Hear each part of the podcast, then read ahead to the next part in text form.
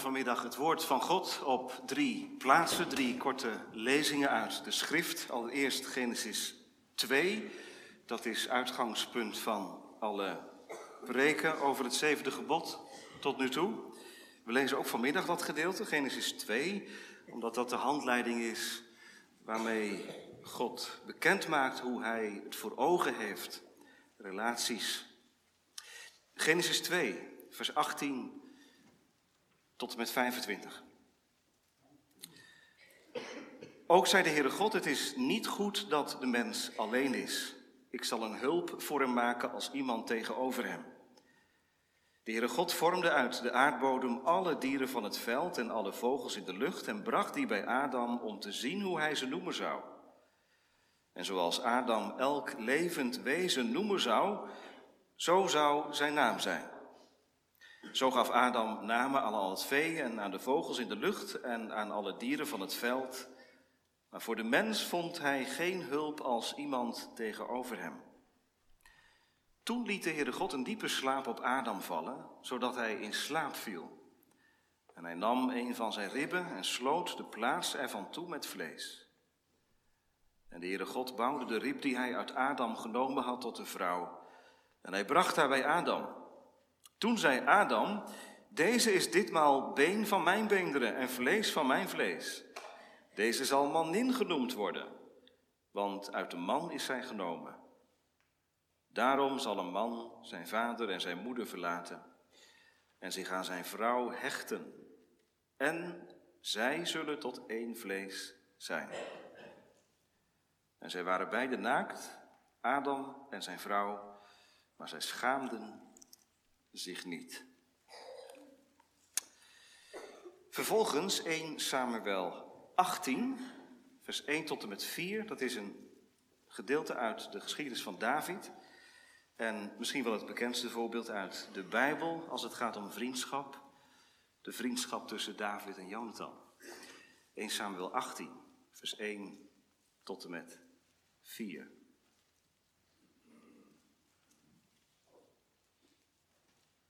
David komt terug van de strijd tegen Goliath. En dan lezen wij in Samuel 18, het gebeurde toen David met Saul uitgesproken was dat Jonathan met hart en ziel aan David verbonden raakte. Jonathan had hem lief als zichzelf. Saul nam hem diezelfde dag mee en liet hem niet terugkeren naar het huis van zijn vader. Jonathan sloot een verbond met David omdat hij hem lief had als zichzelf. Jonathan deed zijn mantel af die hij aan had en gaf hem aan David, ook zijn kleding, ja, tot zijn zwaard, tot zijn boog en tot zijn gordel toe. En dan tot slot prediker 4, vers 7 tot en met 12, en dat zal ook de tekst zijn voor de verkondiging. Prediker 4, vers 7 tot en met 12.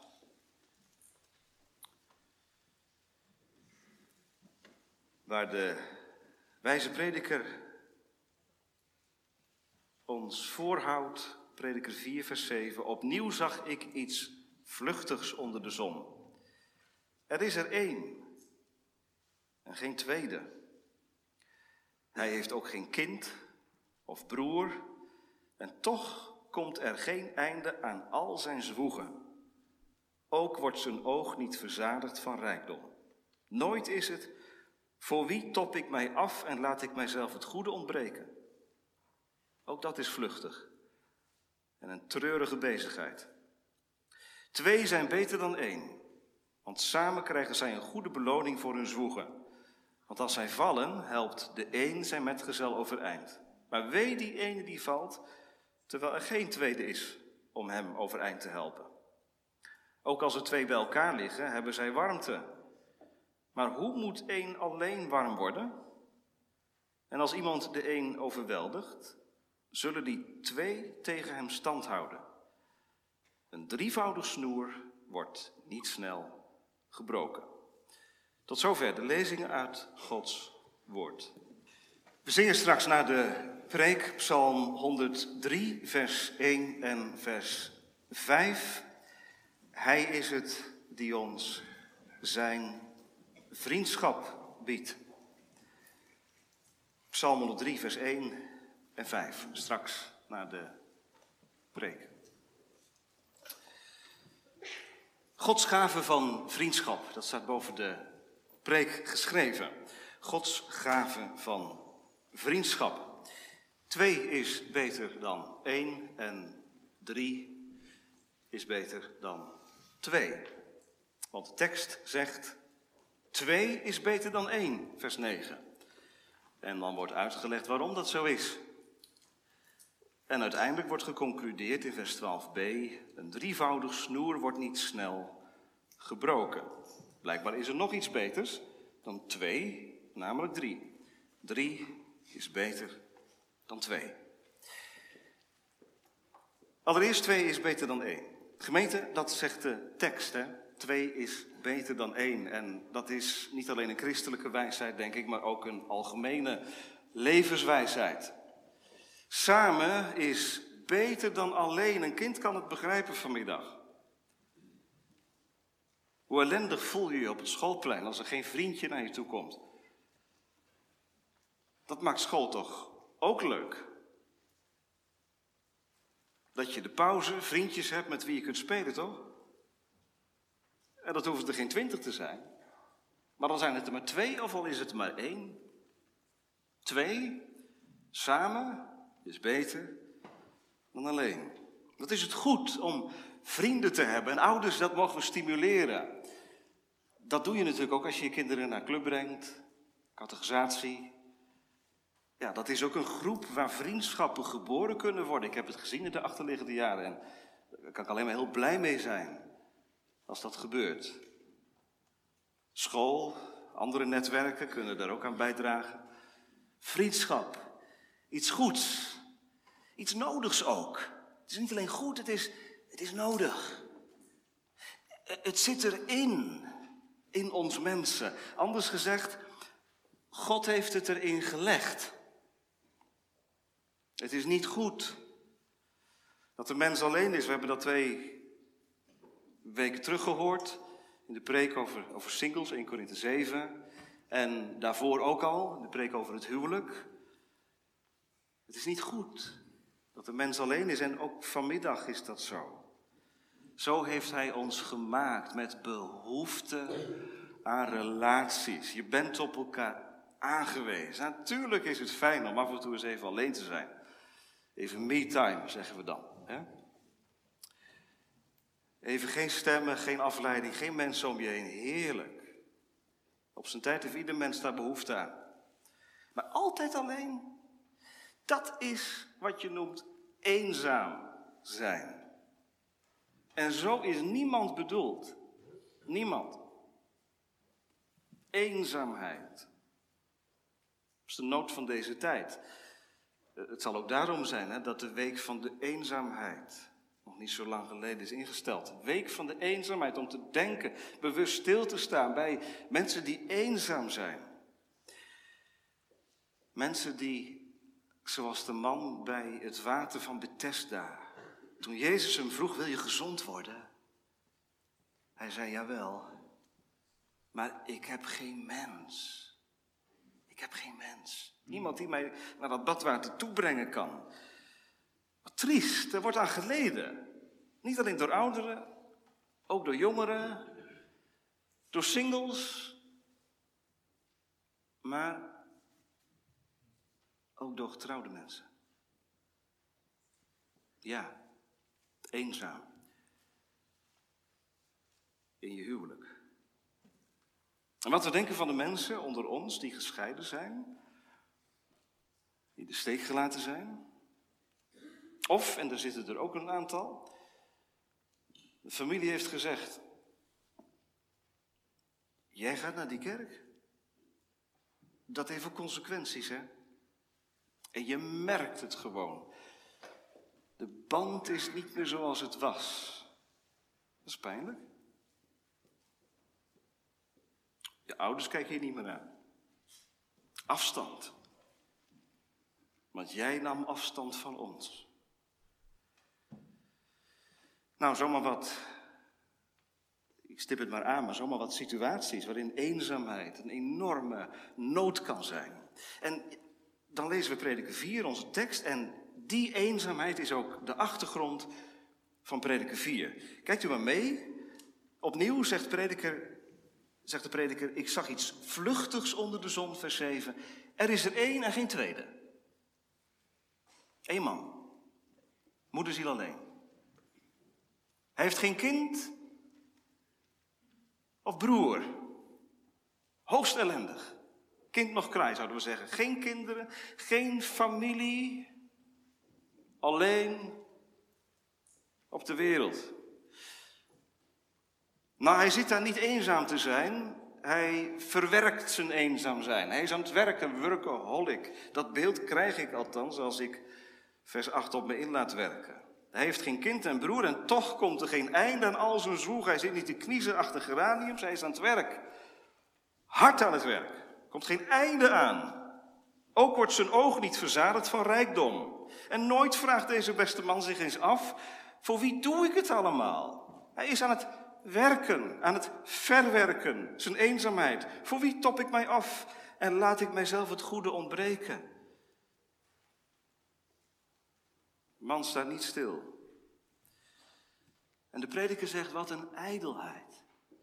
Ook dat is vluchtig en een treurige bezigheid. Wat een droevige, ellendige situatie. Wat moeten we met zo'n tekst? Er zitten allerlei waarschuwingen in. Bijvoorbeeld, pas op voor overdaad. Je oog wordt niet verzadigd van rijkdom. Ook pas op voor werkverslaving. Er komt geen einde aan al zijn zwoegen. Maar het punt wat de prediker vooral wil maken is dit. Eenzaam zijn is treurig en niet goed. En daarom vers 9. Dat is eigenlijk de, de wijsheid die meegeeft. Twee zijn beter dan één. Nou, de Bijbel begint ermee dat het zo is. Adam, hij was alleen. En hij verlangt naar een tweede. Want twee zijn beter dan één. Dat is een paradijselijk verlangen. Dat is geen verlangen van na de zondeval. Het is geen zondig verlangen. Het is een goed verlangen wat God in Adam gelegd heeft. Geen defect, maar een verlangen wat bij ons hoort. Het leven is niet af als je alleen bent. Zonder vriend. Zonder de ander. In de eerste preek heb ik uitgelegd dat Genesis 2 vooral op het huwelijk slaat. Adam en Eva worden aan elkaar gegeven, als met Gods hand aan elkaar gevoegd. Deze twee zullen tot één vlees zijn. Maar in de tweede preek heb ik gezegd dat Genesis 2 vers 18 blijft staan, ook als je single bent. Of ook als je situatie anders is dan die van een single. Je bent gescheiden, je bent genegeerd door je familie. Je bent weduwe, weduwnaar. In al die situaties geldt het is niet goed dat een mens alleen is. Twee zijn beter dan één. Maar, en dat is belangrijk vanmiddag, dat hoeft niet te betekenen dat je altijd trouwt. Of dat je opnieuw trouwt. De vorige keer hoorden we dat, hè, dat er allerlei redenen kunnen zijn om niet te trouwen.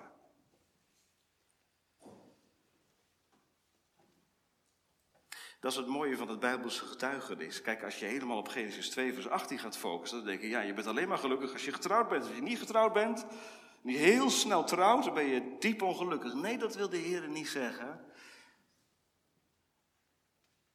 Als we het bredere getuigenis van de schrift meenemen, dan geldt wel dit. Twee beter dan één. En het kan zo zijn dat als je niet getrouwd bent, je hebt geen man, je hebt geen vrouw, of zelfs je hebt geen familie meer, dat vriendschap dan de gave van God is. Om dat stukje alleen zijn op te heffen, te doorbreken.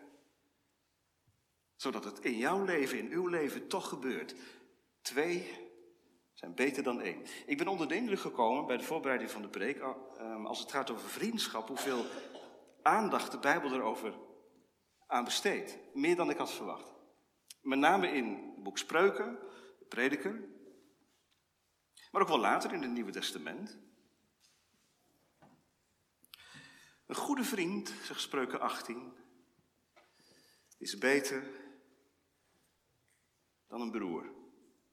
Zo kan het zijn. Misschien herken je het wel. Als je een echte toegewijde vriend hebt en een broer die niks van, je, van zich laat horen en niet om je geeft, een vriend is beter. Ik durf zelfs de stelling aan dat vriendschap gewaardeerd wordt boven alle andere relaties. Vriendschap. Denk aan Jezus. Twee zijn beter dan één. God het ook voor Jezus? Jazeker. Hij is geboren in een gezin, jongens en meisjes. Hij had broers, vele broers. Ik lees nergens in mijn Bijbel dat hij een vriendschapsband had met zijn broers. Ik lees wel dat zijn broers niet geloofden in hem. Ze namen afstand van hem. Jezus was alleen in zijn familie. En ook Maria en Jozef begrepen lang niet altijd wat hun zoon deed. Hij was alleen. Maar hij had wel behoefte aan vriendschap. En dat kreeg hij ook. Hij zocht het ook. Weet u wie zijn vrienden waren? Maria, Martha, Lazarus, vrienden van Jezus. En zijn discipelen, ik heet u mijn vrienden. En binnen die vrienden had hij nog weer speciale vrienden. Petrus, Jacobus en Johannes, dat was het drietal waar hij veel mee verkeerde. En Johannes, de discipel die Jezus lief had, was de man met wie hij de meest intieme band had. Van hart tot hart. Nu begrijpen we misschien ook, gemeente, waarom de Heer Jezus zo leed aan kapot gemaakte relaties. Lees dat in de psalmen, psalm 41, psalm 88. Dan lezen we dat vrienden en bekenden van Jezus afstand nemen. Zijn discipelen hebben hem verlaten. Hij bleef alleen achter. Hij ging alleen de nacht in. Hij hing alleen aan het kruis. En zelfs zijn vader, in dat inktzwarte uur, liet hem los.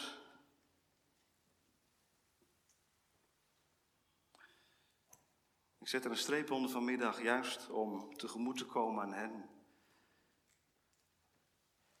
die vriendschap moeilijk vinden. Dat kan om allerlei redenen zijn. Omdat je zoveel nare ervaringen hebt opgedaan.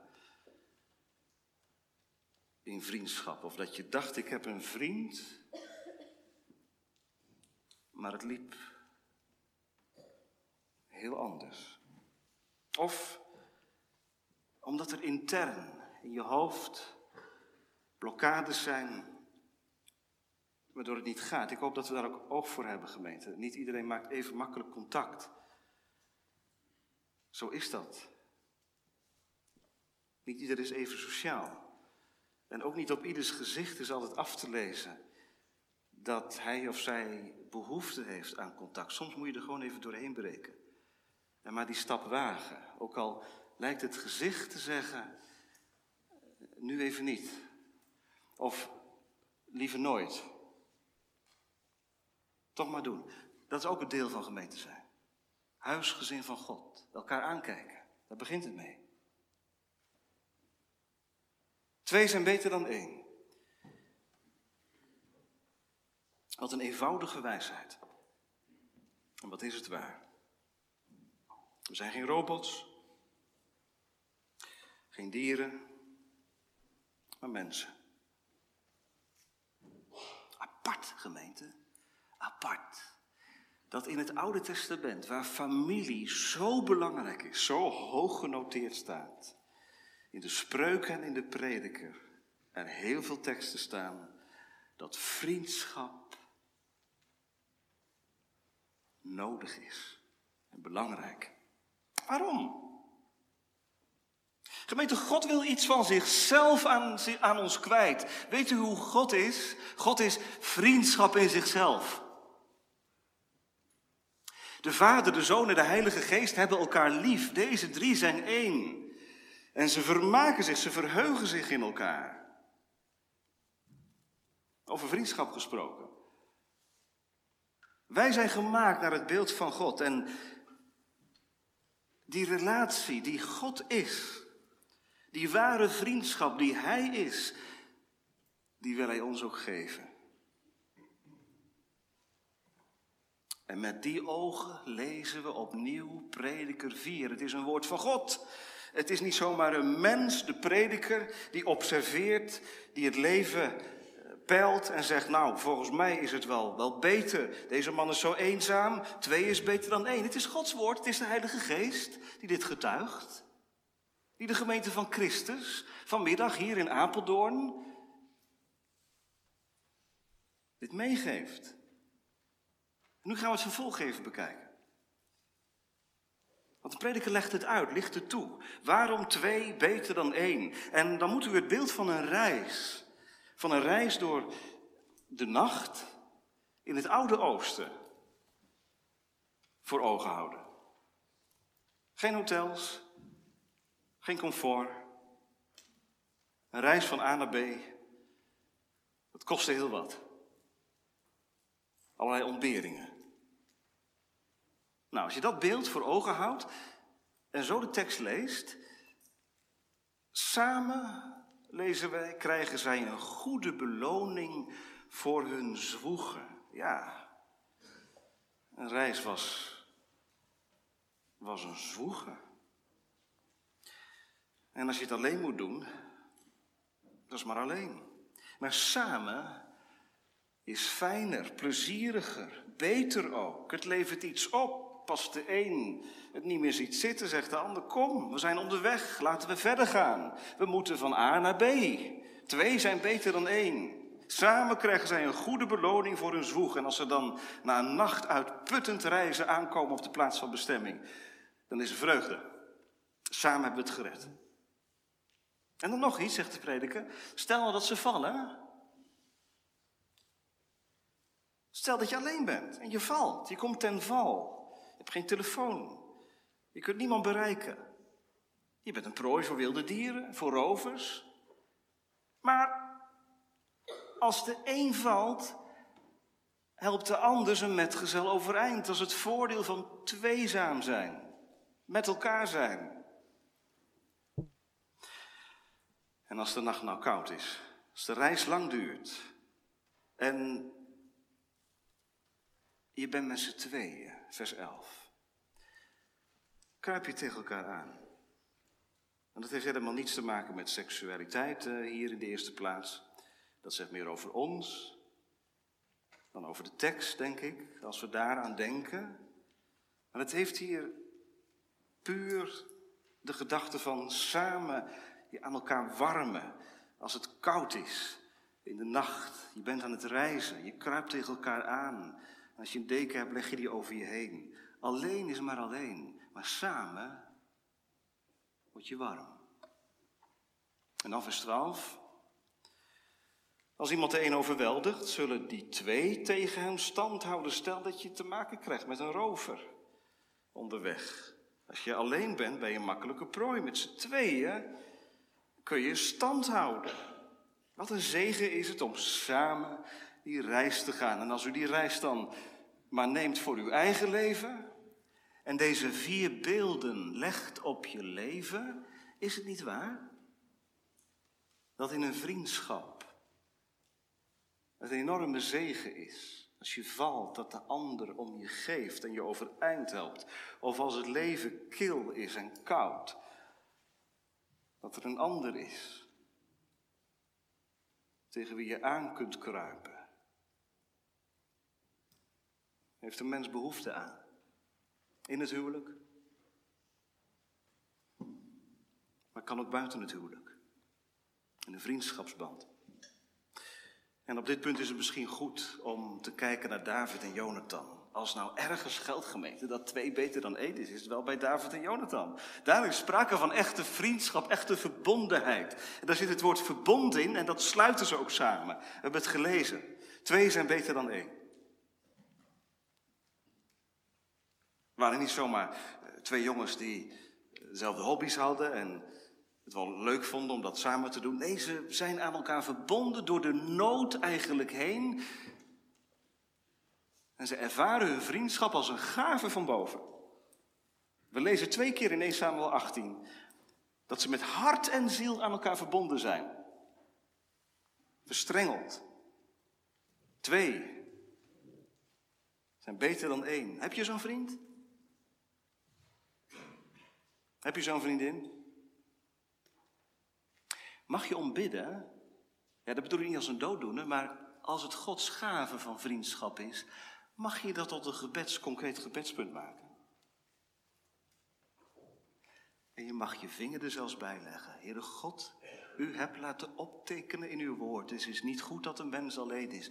U weet dat ik leid aan het leven, aan dit en aan dat. En dat ik zo'n behoefte heb, dat ik hunker naar iemand met wie ik het leven kan delen.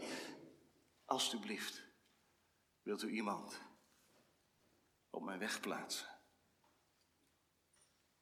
Een vriend die meer toegewijd kan zijn dan een broer. En weet je, dan geef ik je nog iets mee.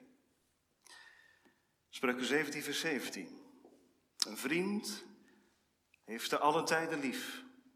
En een broeder wordt in benauwdheid geboren. Er zitten hier mensen die dat ook meegemaakt hebben. Dat toen je in de ellende zat, er iemand op bezoek kwam met wie je tot op de dag van vandaag een hele diepe, tere vriendschapsband hebt. Een geestelijke band. Een broeder, zuster, wordt in benauwdheid geboren. Hoe komt dat nu? Hoe komt dat dat de eenzaamheid van David, laten we dan nog even naar teruggaan, dat de eenzaamheid van David opgeheven wordt door het geschenk van Jonathan?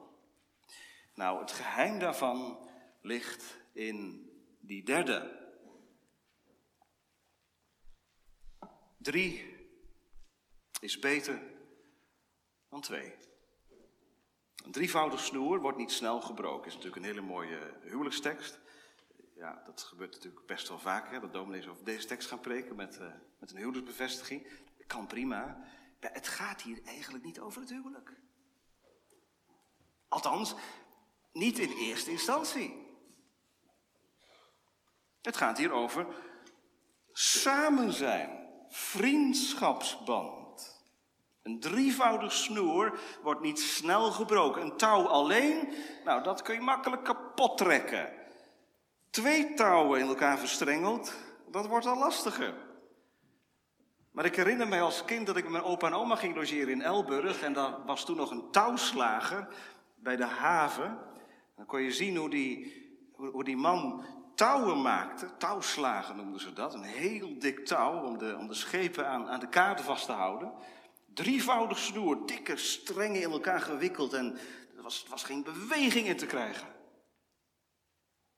Kreeg je niet kapot. Een drievoudig snoer, een in elkaar gewikkelde relatie, die wordt niet snel gebroken. Drie beter dan twee. Ja, je ziet het bij David, heb ik gezegd. Want David ondergaat de haat van Saul. Hij komt terug, 1 Samuel 17, van het gevecht met, met Goliath. De menigte juicht hem toe. Saul heeft zijn duizenden verslagen, David zijn tienduizenden. Nou, wat een publiek. Je zou zeggen, David heeft vrienden genoeg nu. Wat een populariteit, wat een volgers. Maar David is daarvan niet onder de indruk. Saul wel. Saul was jaloers. En hij wil David doden. Saul verdraagt David niet in zijn omgeving. En dan is er een zoon van Saul, Jonathan, die tegen zijn vader ingaat. En David waardeert. Hij raakt met hart en ziel aan hem verbonden. Vriendschap wordt geboren. We lezen in Samuel 18. Jonathan heeft David lief als zichzelf. En samen sluiten ze een verbond in de naam des Heren. U kunt dat lezen in 1 Samuel 20. Laat de Heere tussen mij en u zijn tot in eeuwigheid. Kijk, dat is een echte vriendschap. Kun je ook vrienden buiten de christelijke kring hebben? Ja, dat denk ik wel. Dat denk ik wel, voor zover ze je niet bij Christus vandaan trekken.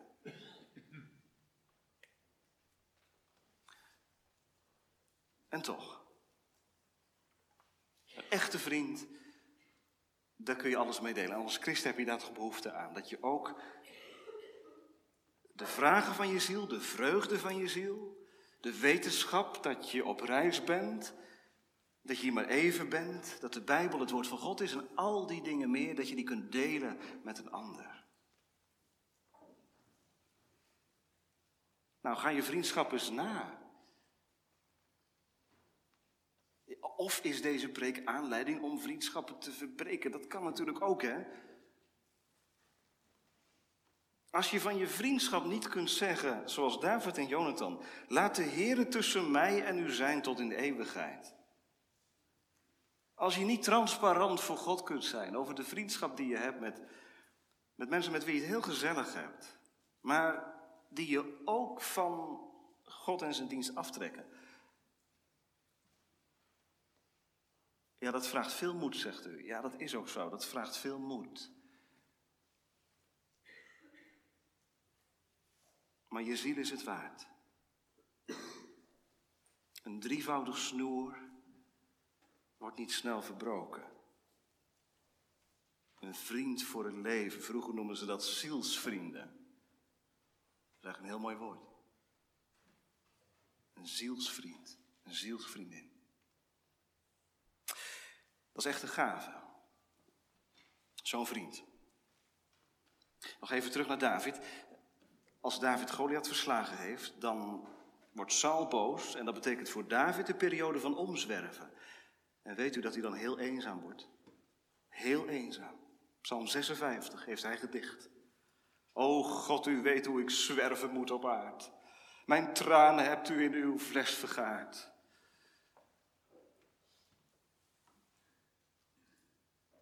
Je zou zeggen, nou dat moet toch genoeg zijn. Weet je wat dan zo opvallend is? Dat Jonathan in die fase van zijn leven van zo'n ontzaglijk geestelijke waarde is.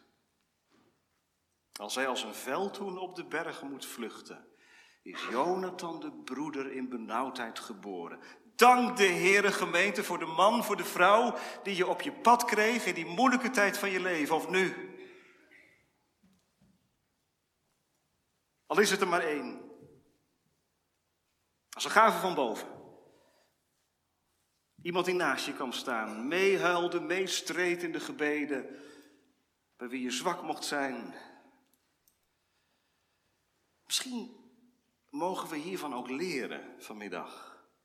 Om vriendschap meer te waarderen. Ook als het meezit, als het gewoon voor de wind gaat, als het goed gaat. Als er geen hoge nood is.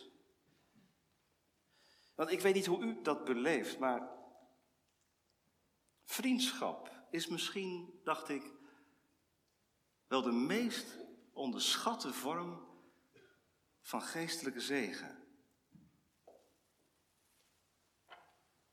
Wij denken toch wel heel vaak, ja, geestelijke zegen, dat is iets tussen God en mijn ziel. dat, dat, dat doet Hij. Hij zegent mij uh, op zondag door het luisteren en de verkondiging van het woord. Dat is iets heel persoonlijks. En God dank, de Heer werkt ook zo. Dat is de eerste lijn. Maar God werkt menigmaal ook via anderen. Via iemand met wie je in contact komt. Je bent op vakantie ergens, je bezoekt uh, iets. Je komt in contact met iemand, er wordt een, een spontaan contact geboren, vriendschap gelegd. En jaren later zeg je, ja, wat een gave. We wisten van elkaars bestaan niet af, maar we hebben We hebben het zo goed met elkaar. En niet omdat we elkaar steeds bevestigen, wat zijn we toch geweldig, maar omdat we elkaar begrijpen en met elkaar onderweg zijn. Zou de gemeente van Apeldoorn ook niet zo'n plek mogen zijn?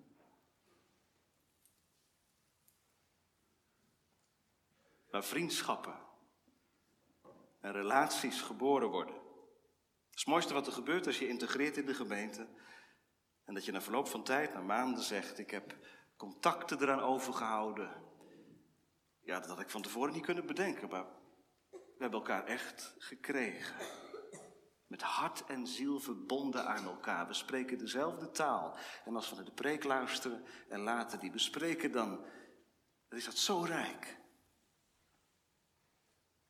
Niet omdat je lid bent van dezelfde gemeente, allereerst, maar vanwege die geestelijke herkenning in het woord. Ik hoop dat zo de huiskringen ook gaan functioneren. Als we straks gaan starten.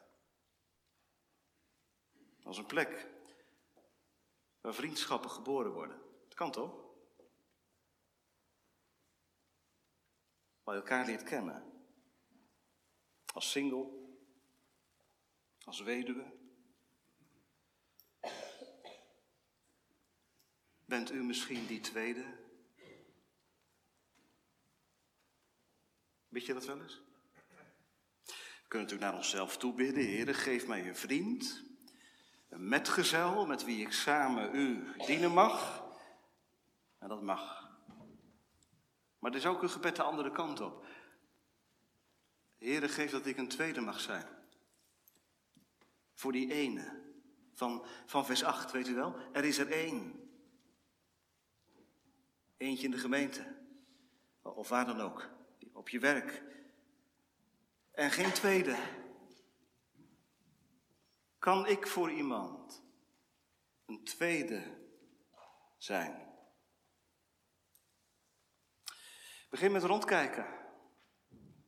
Eenvoudigweg rondkijken. Misschien gebeurt het dat wel, dan, dan wel, hè? dat het gezicht van een ander je leven binnendringt. Dat gezicht met die vragen, met die ogen die dof staan.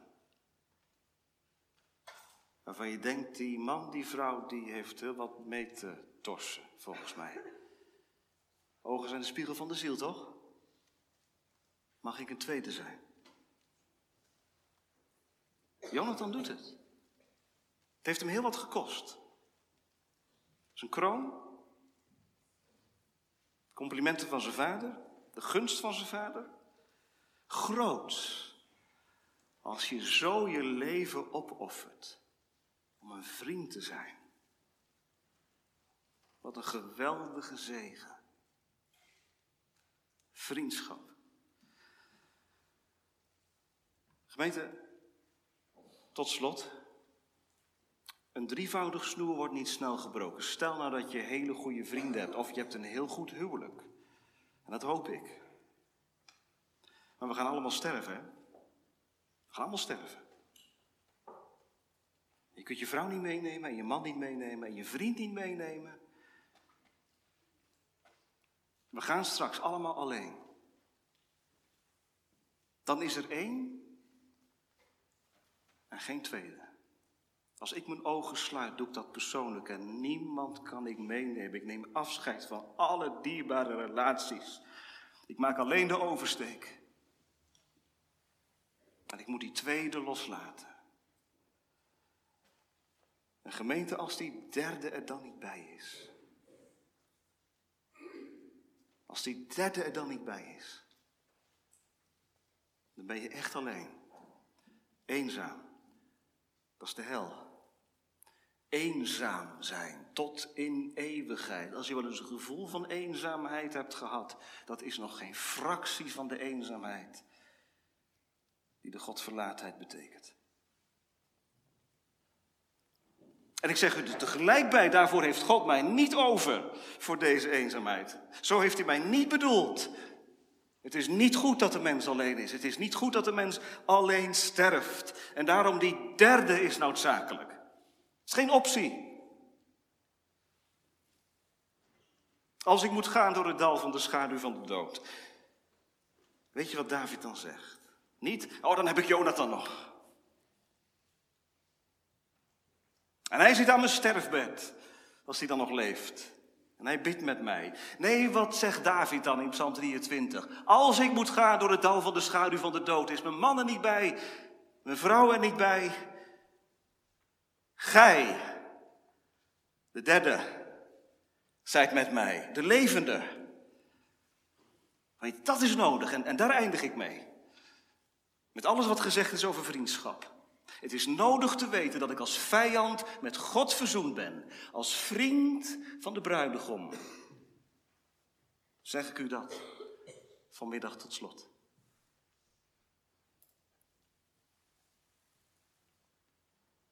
Wij leven op voet van oorlog. Wij komen stik eenzaam ter wereld. Naakt, zegt Job. Zonder iets aan kom ik ter wereld. Naakt neem ik afscheid van de wereld. Maar Job wist meer. Mijn verlosser leeft. En die derde gemeente is de eenzaamheid van mijn bestaan ingegaan. Om vriendschap te kunnen bieden. We gaan het straks zingen. Psalm 103. God komt vanmiddag ons leven binnen. Mag ik het zo zeggen? Jouw leven. Al heb je niets met God. God komt je leven binnen vanmiddag. En hij, hoe doet hij dat dan? Hij laat het gezicht van zijn zoon zien. Kijk eens, kijk eens. Milde handen, vriendelijke ogen. Gods vriendelijk aangezicht toont hij. En hij reikt de hand van de vrede aan.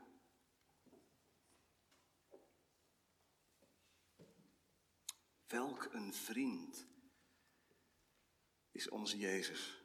Kun je dat zingen? Die in mijn plaats wilde staan. Welk een voorrecht dat ik door die derde altijd vrij tot God mag gaan. Dat is het geluk van David. Het eeuwige geluk als hij alles moet loslaten. En zelfs Jonathan, zijn dierbare vriend. U bent met mij. Gemeente, dat moet je weten. En dat kun je weten. Sla deze vriendschaps, dat vriendschapsverzoek van hem niet af. Dat kun je natuurlijk op je profiel heel makkelijk doen, hè? Iemand wil vriend met je worden. Als je geen zin in hebt, doe je dat gewoon niet. Maar God dringt aan vanmiddag. Ik bid u van Christus wegen. Laat u met God verzoenen. En zie op de Zoon. Zie het Lam van God. Dat de zonde van de wereld wegneemt. Hij is het die mij zijn vriendschap biedt. Mijn zonden, ze zijn er. Meer dan ik kan tellen. En hij weet er van af. Een echte vriend gemeente is volgens Jezus iemand die zijn leven geeft. Niemand heeft meer de liefde dan een vriend die zijn leven geeft. Dat deed hij. Wat een vriend. Voor vijanden.